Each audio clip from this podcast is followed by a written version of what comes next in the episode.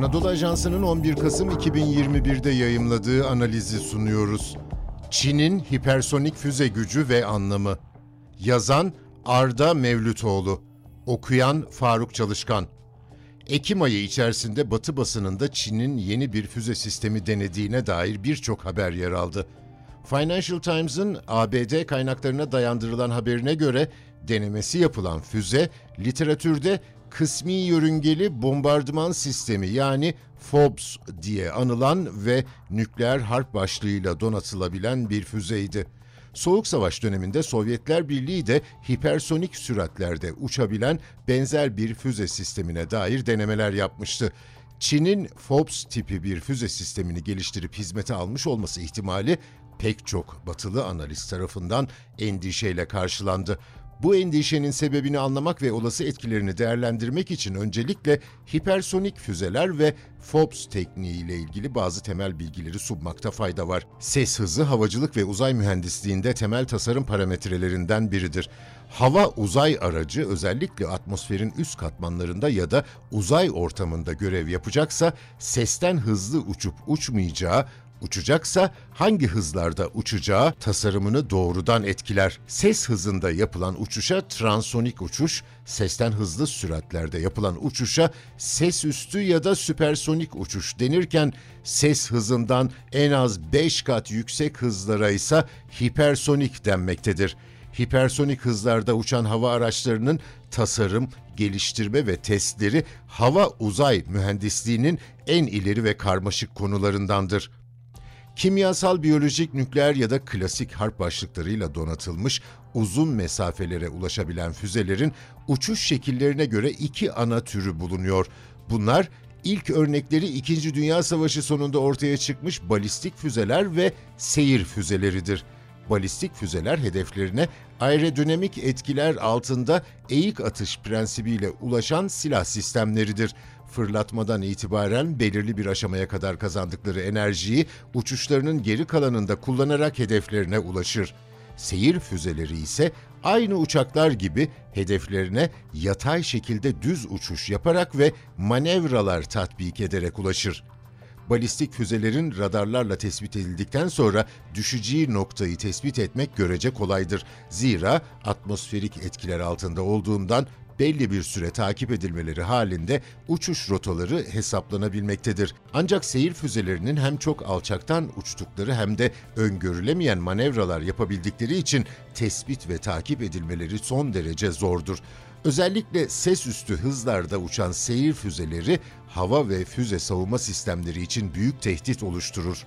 Hipersonik hızlarda uçan seyir füzelerinin tehdit katsayısı ise çok daha yüksektir. Zira süratlerinin yüksekliği hava savunma erken ihbar sistemlerine tespit, teşhis ve takip için gerekli zaman bırakmamaktadır.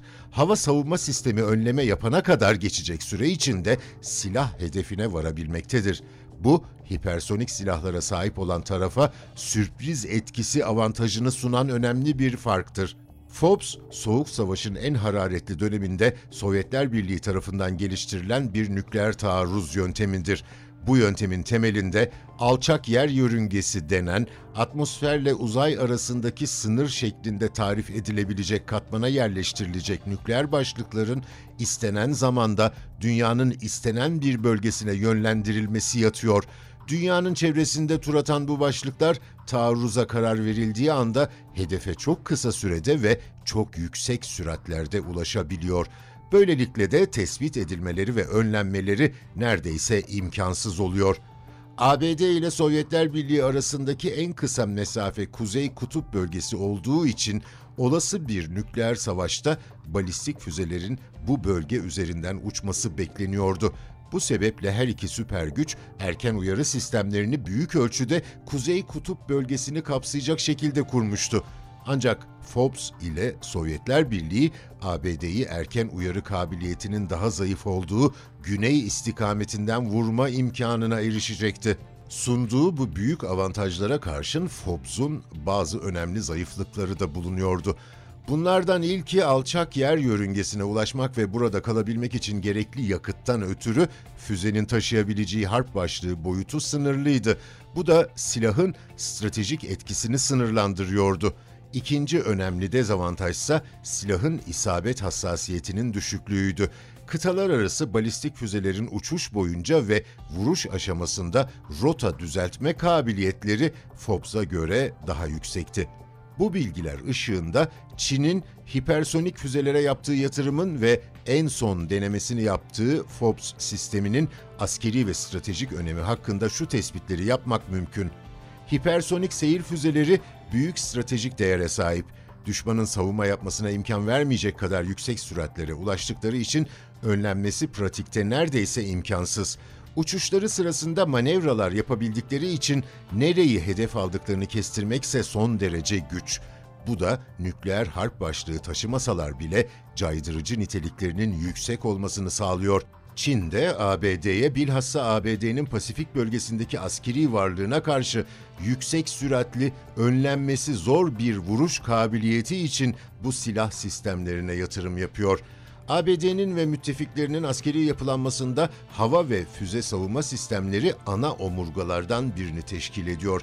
ABD'nin Pasifik bölgesindeki 3. ve 7. filolarıyla bölgedeki yakın müttefikleri olan Güney Kore, Japonya ve Avustralya'nın donanmaları Aegis adlı hava ve füze savunma komuta kontrol sistemleri ve bunların kumanda ettiği yüksek irtifa hava savunma füzeleriyle donatılmış durumda. Yine tüm bu ülkeler odağında F-35 Lightning II 5. nesil savaş uçağı olmak üzere ortak bir savunma mimarisi oluşturmuş durumdalar.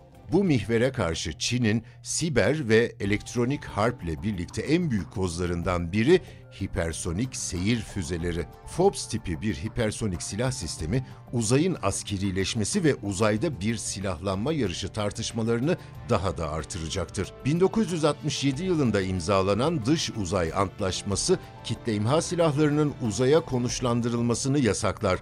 Ancak Fobbs tam bir yörünge izlemediği için uzay konuşlu olarak görülmeyebilir. Yoruma açık ve tartışmalı bir konu olan Fobbs'un bu niteliği ABD'nin uzaya yönelik silah ve erken ihbar sistemlerine yönelik faaliyetlerini artırmasını tetikleyebilir. Başka bir deyişle Çin, ABD'yi uzayda bir silahlanma yarışına zorluyor olabilir. Son olarak Fobbs'un ABD ana karasına stratejik taarruz kabiliyetini artırması ve nükleer caydırıcılıkta ilk vuruş imkanını geliştirmesi Çin açısından bir diğer artı olarak kaydedilebilir.